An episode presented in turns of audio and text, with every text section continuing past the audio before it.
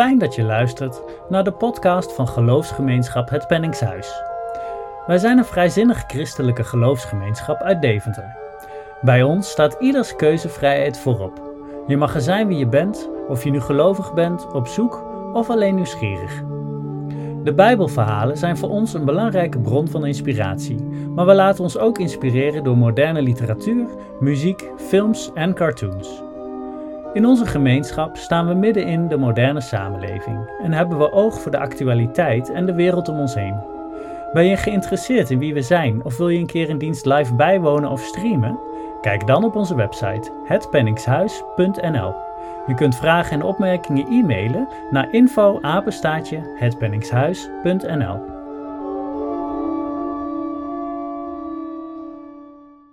Goedemorgen allemaal. Goedemorgen en welkom in deze dienst van geloofsgemeenschap Het Penningshuis. Welkom allemaal hier in het Penningshuis en welkom allemaal elders. Of u deze viering via YouTube met ons meemaakt of via de podcast. Mijn naam is Marga Sanderink en ik ben vanmorgen de gastvrouw. En beschikbaar voor vragen en opmerkingen na afloop van de dienst. Deze dienst zal worden voorgegaan door Carla Borgers, emeritus predikant uit Delden. De pianist is Caspar Rodijk en de collecte zal zijn voor het Etty Hillesum Centrum en wordt toegelicht door Aad. Wever, zal ik even volledig zijn. De bloemen uit deze dienst zijn voor Tineke Hogekamp. We ontsteken de kaarsen en openen de Bijbel. Nee, ik vergeet nog iets. Op 4 februari, dat is de eerste zondag van de, de maand, zal er een dienst zijn in tegenstelling of in afwijking van uh, het uh, normale ritme. Uh, deze dienst wordt voorgegaan door Nicoline Sven. En dat het afwijkt heeft te maken met dat zij al veel diensten heeft dit jaar. En daardoor af en toe op de eerste kan en zal voorgaan. De eerste zondag van de maand. Dat wordt ook wel in het maandblad gecommuniceerd. Dus houd in de gaten. Het is geen automatisme dit jaar dat de eerste zondag van de maand er geen dienst is. En de 18e februari is geen dienst, klopt. Dus houd het een beetje in de gaten. We proberen het af te kondigen, maar dat zal niet altijd uh, gebeuren. Dan ga ik alsnog de kaarsen ontsteken, de Bijbel openen. En we zijn een moment stil om tot onszelf te komen en ons voor te bereiden op de dienst.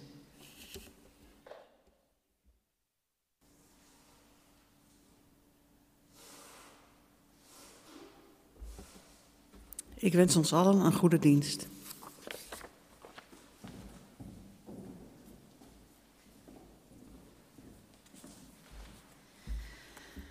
Goedemorgen. En om te beginnen wens ik u allen nog een heel mooi 2024. Een zegenrijk jaar gewenst. Ons eerste lied is lied 221, zo vriendelijk en veilig als het licht.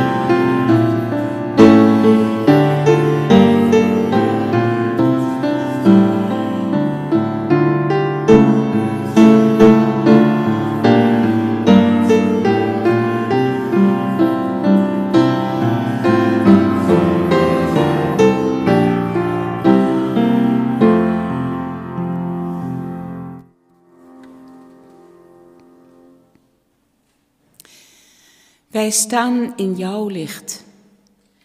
Wij houden jou vast. Alles wat leeft, dankt zijn adem aan jou. Jij brengt ons tot leven, vrij uit het donker. Warm in ons hart is jouw stem in ons. Kom, God, adem ons open en leer ons leven. Amen. Je mag gaan zitten.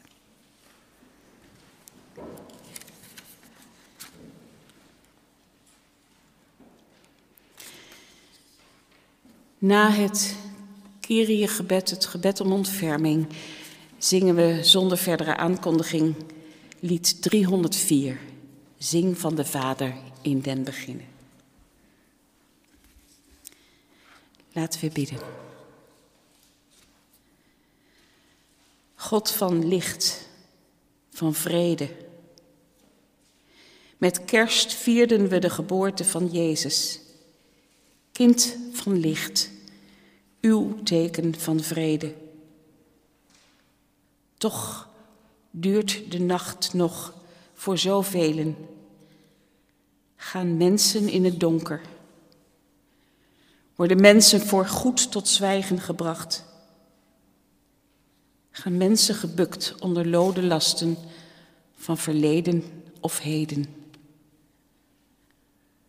God van licht, laat het ook voor hen licht worden. Nog altijd leven de allerarmsten op de meest gevaarlijke plekken in de wereld. Nog altijd worden kinderen belast met de zorgen van volwassenen. Nog altijd wordt het recht kromgebogen of harteloos toegepast. Barmhartige God, laat ook voor de mensen die hieronder lijden die werelddagen die Jezus voor ogen stond, zodat ook zij kunnen instemmen met onze lofzang. Amen.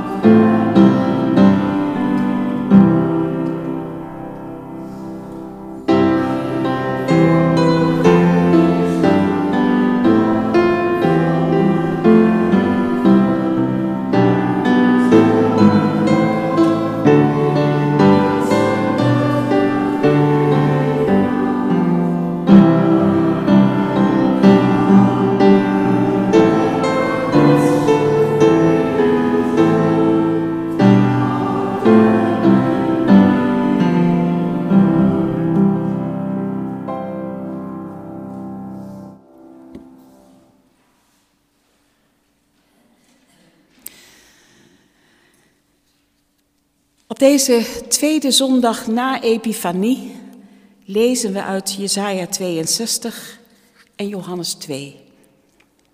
In beide teksten is sprake van een huwelijk. En over het goede leven wordt verteld.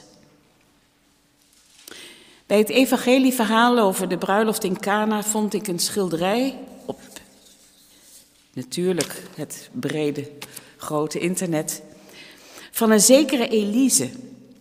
Nadere gegevens kon ik niet vinden op haar website. Wel schreef ze onder meer de volgende woorden bij het schilderij. Jezus liet alles en iedereen weten. De God van Abraham, Isaac en Jacob is hier. Het koninkrijk is nabij. Genezing is nabij. Richt je op mij in plaats van op jezelf. En ik geef je leven in overvloed. U ziet dat werk van haar op de voorzijde van uw liturgie. Leven in overvloed is ook het thema van deze dienst. Jesaja dan eerst. Jesaja 2, de versen 1 tot met 5. Omwille van Sion zal ik niet zwijgen. Omwille van Jeruzalem ben ik niet stil, totdat het licht van haar gerechtigheid daagt en de fakkel van haar redding brandt.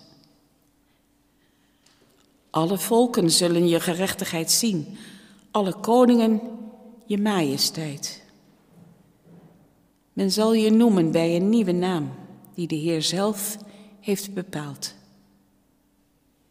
Je zult een schitterende kroon zijn in de hand van de Heer, een koninklijke tulband in de hand van jouw God. Men noemt je niet langer verlatene en je land niet langer troosteloos oord. Maar je zult heten mijn verlangen en je land mijn bruid. Want de Heer verlangt naar jou en je land wordt ten huwelijk genomen. Zoals een jonge man een meisje tot vrouw neemt, zo zullen jouw zonen jou ten huwelijk nemen. En zoals de bruidegom zich verheugt over zijn bruid, zo zal je God zich over jou verheugen. Jesaja. We zingen Zing een nieuw lied, alle landen, lied 96a.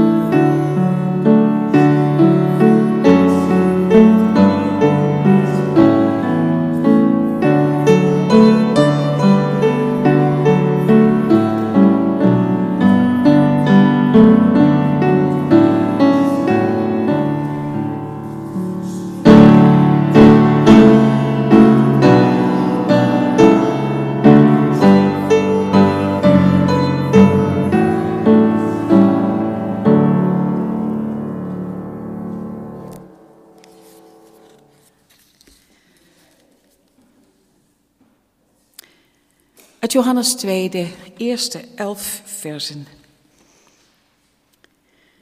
Op de derde dag was er een bruiloft in Cana in Galilea.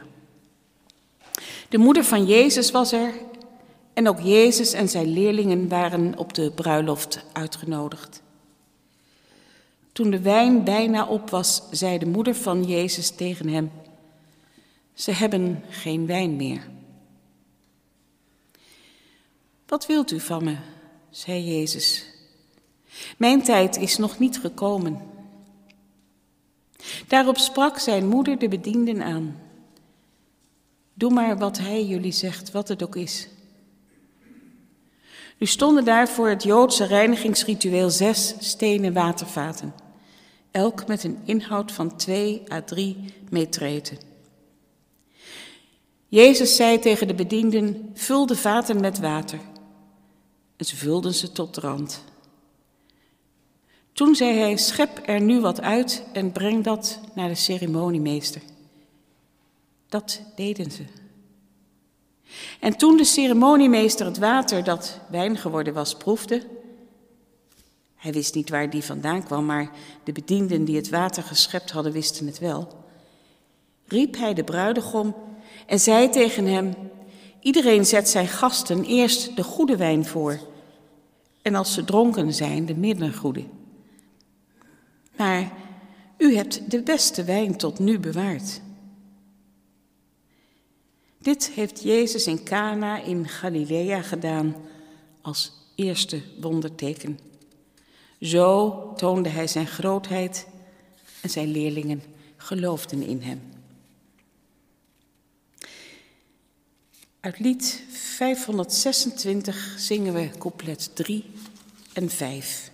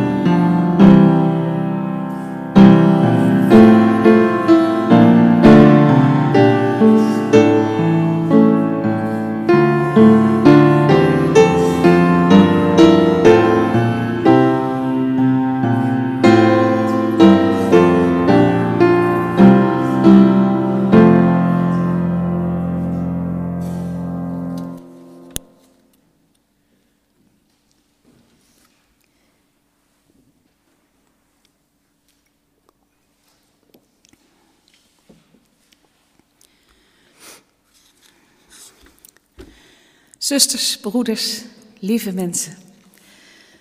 Misschien dacht u zojuist alweer dat Kana-verhaal. Ik ken het niet alleen van voor naar achteren, maar ook van achteren naar voren. Ja. Inderdaad, het verhaal is overbekend en het klinkt bijna elk jaar wel weer zo ergens rond deze tijd. En toch blijft het misschien ook wel weer altijd tot de verbeelding spreken. In ieder geval sprak het tot de verbeelding van die kunstenares Elise, waarover ik vertelde in de inleiding. Leven in overvloed. Er zijn heel veel mensen die daarnaar verlangen. Mensen die met elkaar trouwen hopen ook op een leven in overvloed, op een rijk leven en niet alleen in materiële zin. Rijk is ook het Kana-verhaal. Rijk aan betekenissen. De tekst begint met een tijdsaanduiding op de derde dag. Dat klinkt bekend, die derde dag. Dag van de opstanding. Dag van het begin van een nieuw leven. Maar als je naar de chronologie van het voorgaande deel kijkt, vanaf Johannes 1, vers 19, dat hebben we dus niet gelezen, dan kun je deze derde dag ook zien als de zevende dag. En dan gaan er misschien weer andere bellen bij u rinkelen. Want bij zeven dagen is het natuurlijk helemaal niet moeilijk om het verband te leggen met Genesis 1, de eerste scheppingsweek, zou je kunnen zeggen. Die zevende dag is dan de Shabbat, de rustdag. Op de zesde dag schiep God de mens, zo staat er in het scheppingsgedicht, man en vrouw. En de zevende dag is de dag dat man en vrouw één worden. Bruiloft vieren. En nog is het bij orthodoxe Joden gebruikelijk dat de eenwording tussen man en vrouw voornamelijk plaatsvindt op de avond van de Shabbat, als een soort goddelijke opdracht tot het verwekken van nieuw leven. Tja. De derde dag en de zevende dag hebben hier bij Johannes met elkaar te maken. En pakken we dan Genesis 1 er opnieuw bij, dan zien we dat op die derde scheppingsdag inderdaad ook nieuw leven ontstond. Eerst wordt op die dag, worden op die dag de voorwaarden voor dat leven geschapen. De wateren vloeien naar één plaats samen en er komt land in zicht. En ja hoor, direct ontstaat daar dan leven. Zo wordt verteld. Het is een prachtig beeld van hoe heel de schepping gericht is op leven en niet op de dood. Dat was dus het tijdstip, de derde dag, ofwel de zevende dag. Zodra je verder leest, is er weer iets opvallends in die tekst. Als eerste wordt de moeder van Jezus genoemd. Zij is de eerste hoofdpersoon in dit verhaal. Pas daarna komen Jezus en zijn leerlingen op die lijst van genodigden voor. In colleges Oude en Nieuwe Testament worden studenten vaak op het hart gebonden om bij de exegese goed te lezen wat er staat. Maar zo belangrijk als lezen wat er staat, zou ik denken, is gespitst zijn op wat er niet staat. Tot driemaal toe gaat het in deze tekst over de moeder van Jezus. Had ze geen naam dan? Ze heette toch Maria? Waarom heeft Johannes het niet gewoon over Maria? Desnoods met als toevoeging de moeder van Jezus. Waarom is het zo belangrijk dat dat moederschap zo benadrukt wordt? Zo benadrukt dat haar naam er kennelijk niet toe doet. Een commentaar bij deze tekst suggereert dat Maria hier staat voor heel het volk Israël. Dat volk waar Jezus uit voortkwam, zijn oorsprong. Ze is kennelijk niet voor niets naamloos hier. Je moet hier dus niet lezen over Maria, de vrouw van Jozef, met die wonderlijke zwangerschap. En met die geboorte in een stal of een grot of waar het maar geweest mogen zijn. Nee, je moet hier lezen over de moeder als de oorsprong van Christus. Haar naam is hier niet belangrijk. Het gaat om haar functie. Moeder van. Zoals de functie van Israël is, de bedoeling van Israël is dat het de messiaanse toekomst voortbrengt. Israël baart als het ware die messiaanse toekomst. Maria heeft in dit verhaal nog een functie. Niet alleen moeder van die messiaanse toekomst, niet moeder van het nieuwe leven, maar ook de vroedvrouw die dat nieuwe leven aan het licht brengt. Ze laat het als het ware geboren worden. En dat gebeurt in vers 3. De moeder van Jezus zei tot hem: Ze hebben geen wijn. Waarop dan Jezus die beruchte woorden spreekt. In de oude vertaling klinkt dat dan zo: Vrouw, wat heb ik met u van noden? Vrouw, wat wil je van me? Nieuwe vertaling. Klinkt iets vriendelijker. In de gebruikelijke uitleg wordt Marie over Maria gezegd dat ze nog geen weet heeft van de ware betekenis van haar zoon. En commentaren trekken die lijn dan door naar Israël, dat nog geen weet zou hebben van dat nieuwe messiaanse leven dat in die zoon, deze Jezus van Nazareth, doorbreekt. Dat zou een verklaring kunnen zijn. Tuurlijk. Maar de vroedvrouwfunctie van Maria impliceert nou juist dat ze maar al te goed weet wie haar zoon is en dat ze wil dat anderen dat ook weten. Haar onbegrensde vertrouwen zet als het ware dat heilsgebeuren in gang. En dat vertrouwen dat geloof spreekt uit het inschakelen van de dienaren in vers 5. Wat hij u ook zegt, doe het. Ja. Het verhaal kent, zoals eigenlijk alle Bijbelverhalen, meerdere lagen. Als je oppervlakkig leest en de achtergrond niet kent, is het een simpel verhaal over een bruiloft. En kennelijk drinken de mensen meer dan verwacht of zijn er meer gasten gekomen dan genodigd waren. Of misschien had degene die boodschappen moest doen het niet helemaal goed gedaan. Kan allemaal gebeuren. Kortom, de wijn raakt sneller op dan verwacht.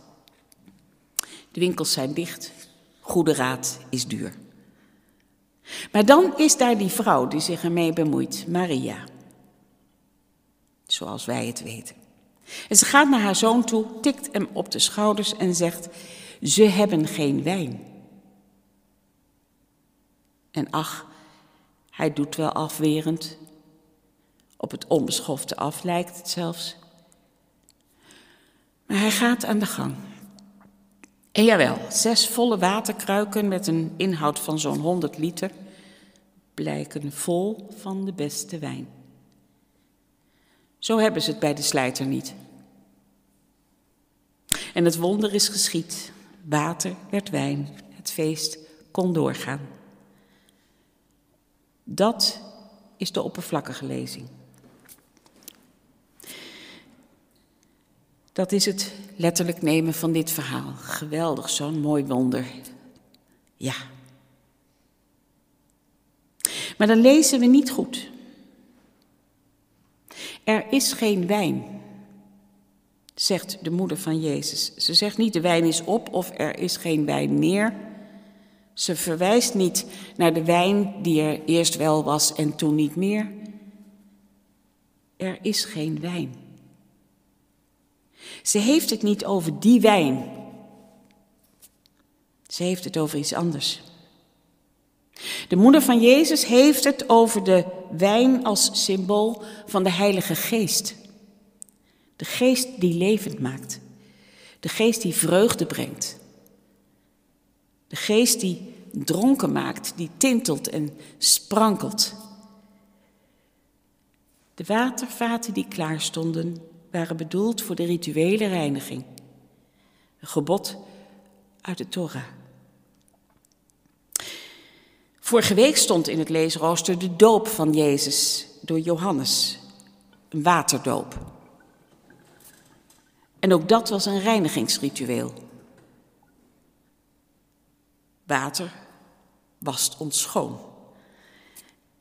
En dan kunnen we opnieuw beginnen als we schoon zijn. Dat is een beetje de gedachte. Toen verscheen Jezus daar aan de Jordaan. En ook hij werd gedoopt met water, maar er gebeurde nog iets. De evangelist vertelt dat de geest van God hem vervulde, gesymboliseerd door de duif. Dat was de geestesdoop, de vuurdoop van Jezus.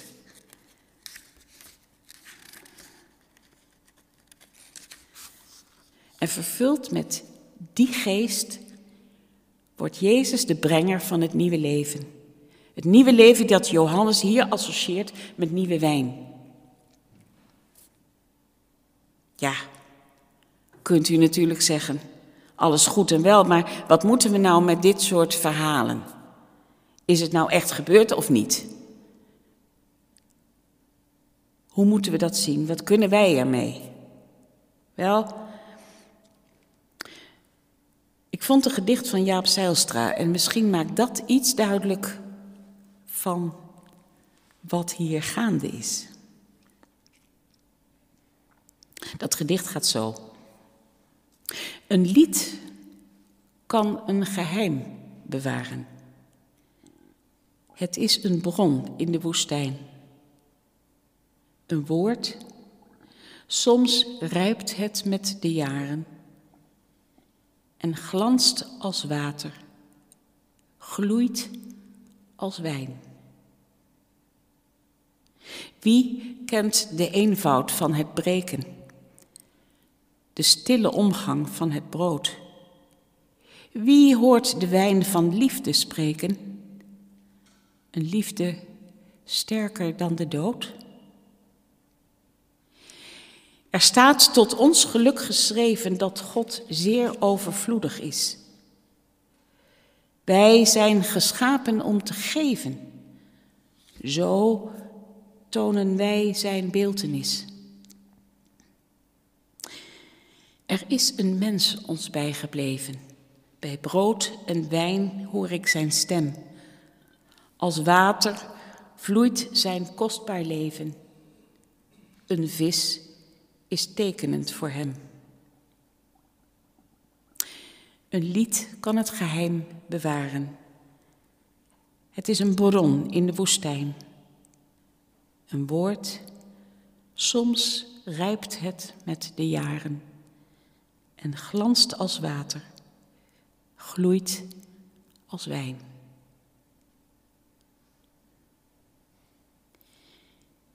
Ik denk dat het hier om gaat. Het geheim van symbooltaal. De taal van deze evangelist Johannes is niet de makkelijkste taal. Maar soms, soms kan er even iets oplichten. Soms rijpt een woord in de loop van de jaren en begint de betekenis in je eigen leven door te dringen en duidelijk te worden. De moeder van Jezus gaf de dienaren opdracht om te doen wat hij hen zou vragen. De dienaren uit het verhaal zijn de diakenen van de gemeente. Zij zijn degenen die zorg dragen voor het welzijn van de gemeente, maar ook voor de wereld daarbuiten. Zij vullen als het ware de watervaten tot aan de rand. En als wij mensen dat willen, kunnen we veel doen ten goede. Toch zal het de geest zijn, de geest van liefde, die van dat water sprankelende wijn weet te maken. De wijn die gedronken wordt bij een bruiloft, het feest van de eenwording. Jezus werd er door zijn moeder toe aangezet zijn levenstaak op zich te nemen. En vanaf dat moment begon hij volop met zijn zending. En die zending, die taak, was het openbaren van de liefde van God in deze wereld. En daarmee het tot geloof brengen van de mensen. En dat geloof is het geloof in de mogelijkheid van nieuw leven, een vernieuwd bestaan. Gedoopt met water, vervuld van geest, wil Hij ook ons laten proeven van die wijn van dat nieuwe overvloedige leven. Kana was het eerste van zijn tekenen. Johannes noemt er daarna nog zes. En omkleedt hij ook met mooie verhalen. En 1 plus 6, 7 in totaal is de schepping in nieuw perspectief. Zou je kunnen zeggen. God die ons in Christus tegemoet komt, overvloedig gevend, zodat wij kunnen en mogen leven in overvloed. Ik besluit met één strofe uit dat gedicht van Jaap Zeilstra. Er staat tot ons geluk geschreven dat God zeer overvloedig is. Wij zijn geschapen om te geven. Zo tonen ook wij zijn beeltenis. Amen.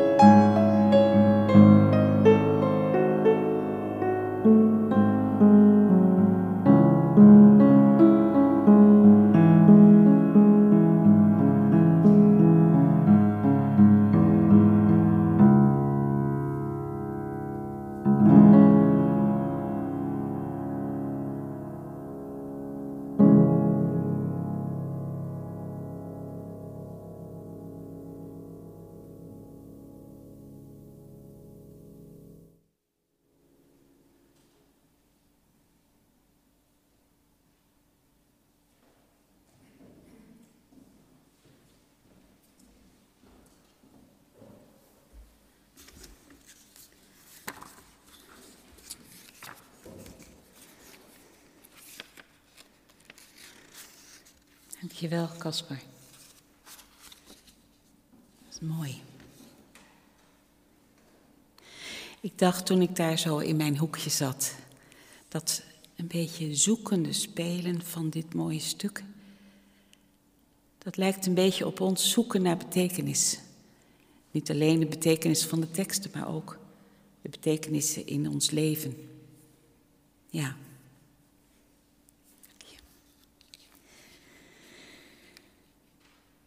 Tijd voor de opgeruimde tijd voor de gemeente. Wie heeft iets te vragen, in te brengen, te delen? Misschien te vragen om een voorbeden of wat ook.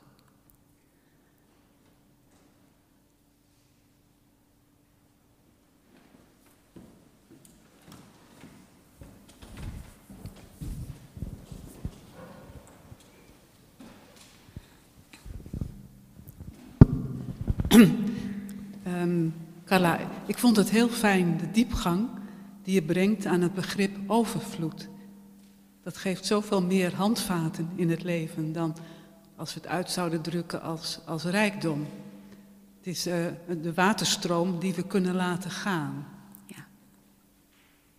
Waar ik zelf wel naar zoek is, hoe doen wij dat? We zijn een christelijke geloofsgemeenschap. In de geloofsgemeenschappen die hier in Deventer met ons leven, moslim, kleine Joodse gemeenschap. Dat is de vraag die ik dan zelf meeneem, hoe je dit begrip dan een plek kan geven.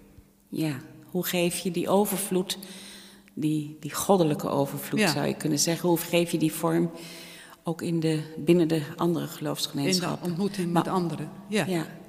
Maar ik denk ook, ook in de wereld om je heen. Sowieso. Want je bent geloofsgemeenschap in een wereld die misschien niet gelovig is, of grotendeels niet meer gelovig is, maar toch kun je van betekenis zijn. Kun je wijn toevoegen aan het water. Of van water wijn maken misschien zelfs. Maar ja. En dat blijft zoeken. Hoe dan?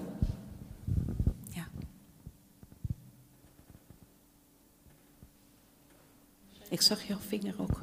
Klopt dat? Ja.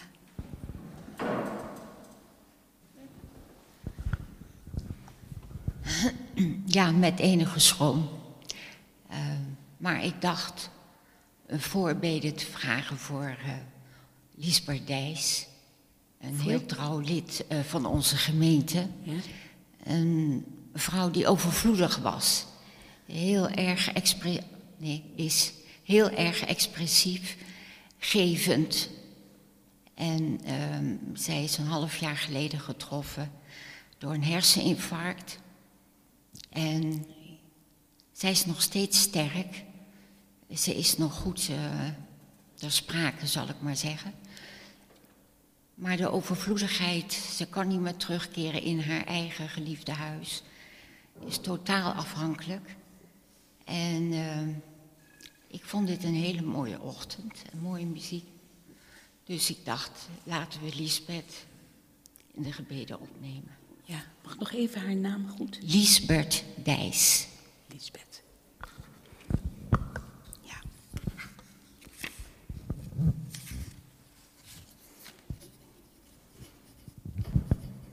Ja, ik zou in de voorbeden, um, in de overvloed zou ik ook willen denken aan hoe mensen met de wereld omgaan. En uh, dat er wat van Gods koninkrijk zichtbaar mag komen op deze wereld. En dat uh, de spanningen in de wereld wat minder mogen worden. En dat we elkaar als, men, als als mensen gaan zien. En dan hoop ik dat er een lichtpunt komt. Ja.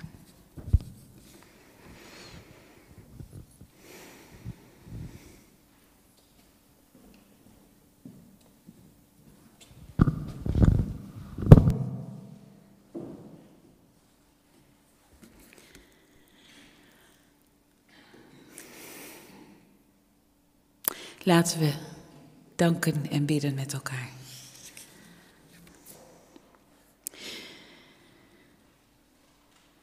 En misschien is het goed om de acclamatie even één keer te laten horen, dat we hem zo gelijk mee nemen als we met de voorbeden beginnen.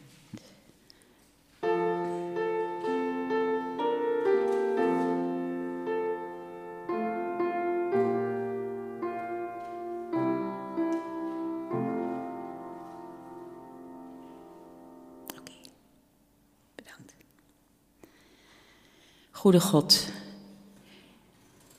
er is veel waarvoor we dankbaar kunnen zijn. Voor elke nieuwe dag dat we leven mogen. Voor het dak boven ons hoofd. Voor de vrijheid waarin we leven en mogen geloven. Voor de liefde en vriendschap van een mens of van vele mensen. En voor nog zoveel meer dan we hier kunnen noemen. We bidden voor deze aarde. Groot, maar nietig in het grote heelal. En zo heel erg kwetsbaar. Een aarde vol levende wezens, mensen en dieren bomen en planten, te vaak bedreigd in hun bestaan. Door droogte, klimaatverandering, maar ook door oorlogen en rampen. Daarom bidden en zingen wij.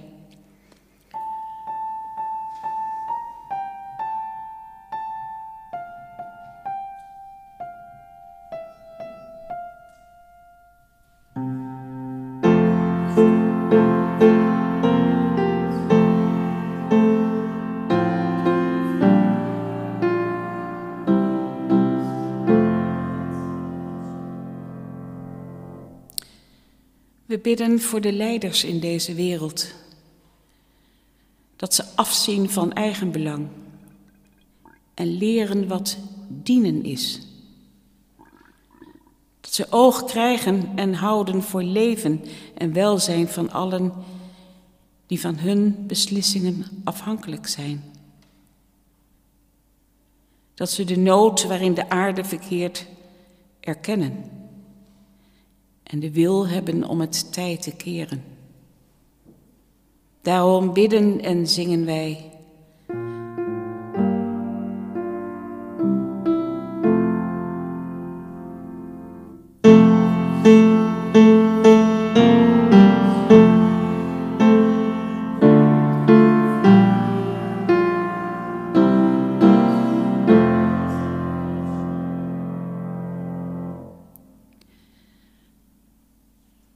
Maken ons zorgen om de spanningen in de wereld,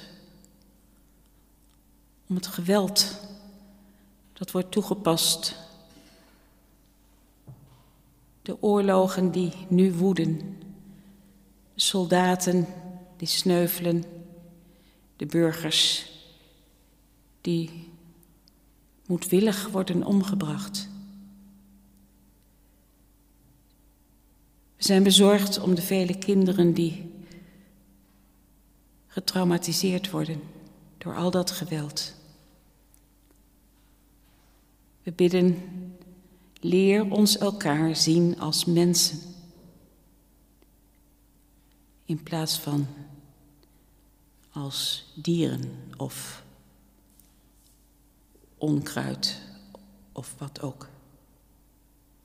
Daarom bidden en zingen wij.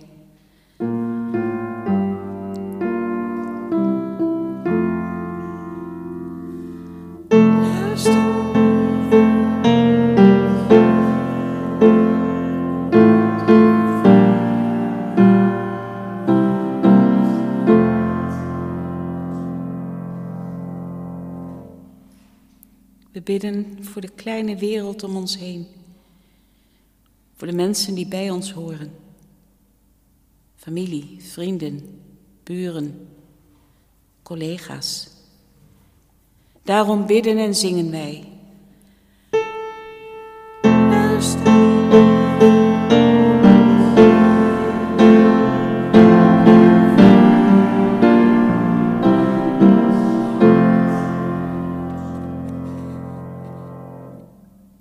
Voor de wereldwijde kerk bidden we dat ze Jezus liefde en warmhartigheid uitdraagt en verspreidt. Dat ze werkelijk lichaam van Christus is en een thuis voor ieder mensenkind, hoe die ook leeft en is. Daarom bidden en zingen wij.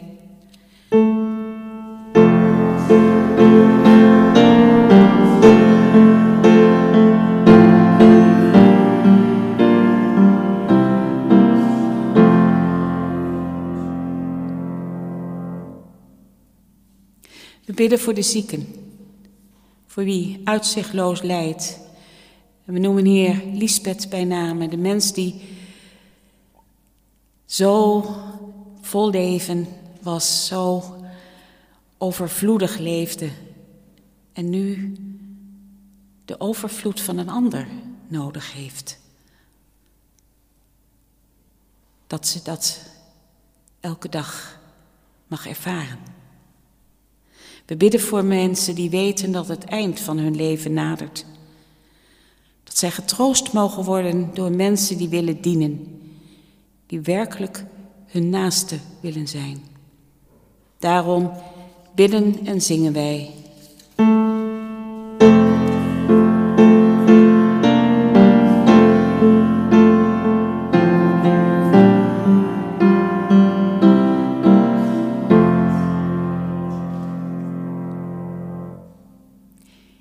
Moment van stilte bidden wij voor degene met wie we ons persoonlijk nauw verbonden voelen en die ons gebed zo heel erg nodig hebben.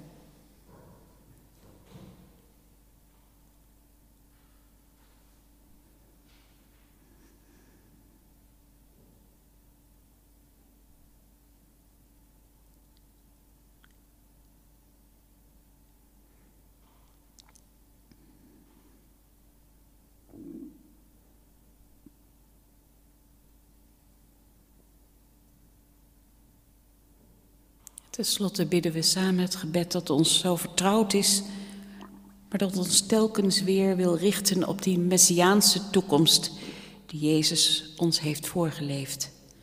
Onze Vader in de hemel, laat uw naam geheiligd worden. Laat uw koninkrijk komen en uw wil gedaan worden, op aarde zoals in de hemel. Geef ons vandaag het brood dat wij nodig hebben. Vergeef ons onze schulden, zoals ook wij hebben vergeven wie ons iets schuldig was. En breng ons niet in beproeving, maar red ons uit de greep van het kwaad. Want aan u behoort het koningschap, de macht en de majesteit tot in eeuwigheid. Amen. Dan wordt nu de collecte toegelicht.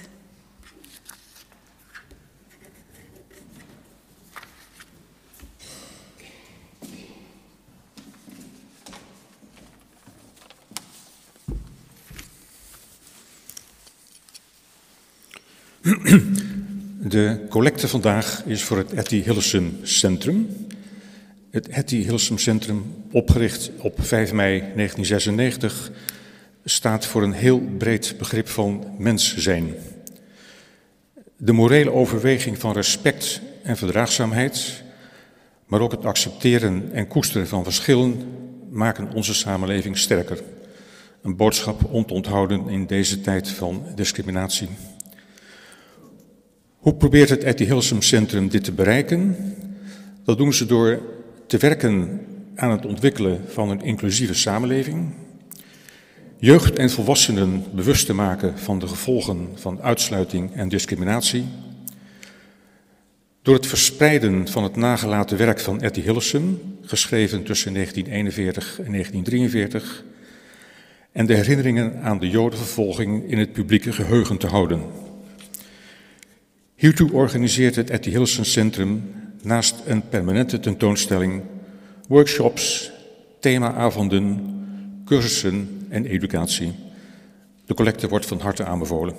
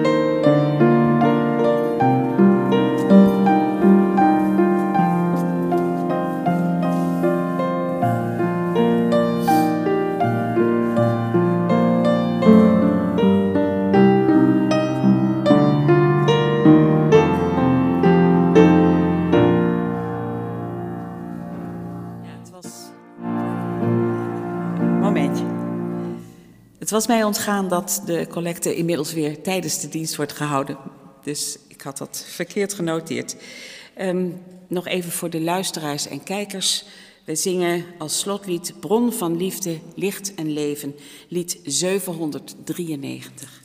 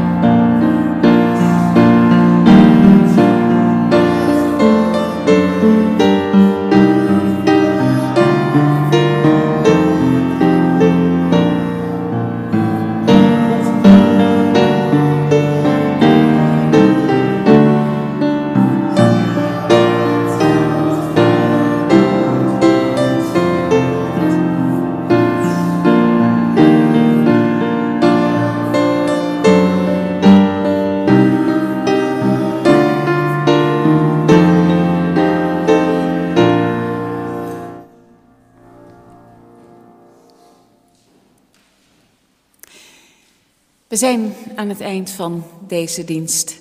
En we gaan straks weer naar onze plek, ons huis, ons werk misschien. Of naar daar waar we als gast binnen worden genood. Kortom, ik zou zeggen, ga en ontdek wat de weg is in jou of uw leven. Met alle zintuigen open. Sta in de wereld en luister naar degene die jou beweegt en naar mensen door wie jij je laat bewegen. Durf nee te zeggen en soms ja of misschien. Mogen de eeuwige u en jou en mij daartoe schenken de behoedzaamheid van haar handen, de goedheid van zijn ogen, de glimlach van haar mond, de vastheid van zijn stappen, de vrede van haar woord, de warmte van zijn hart, het vuur van haar geest en het geheim van zijn aanwezigheid.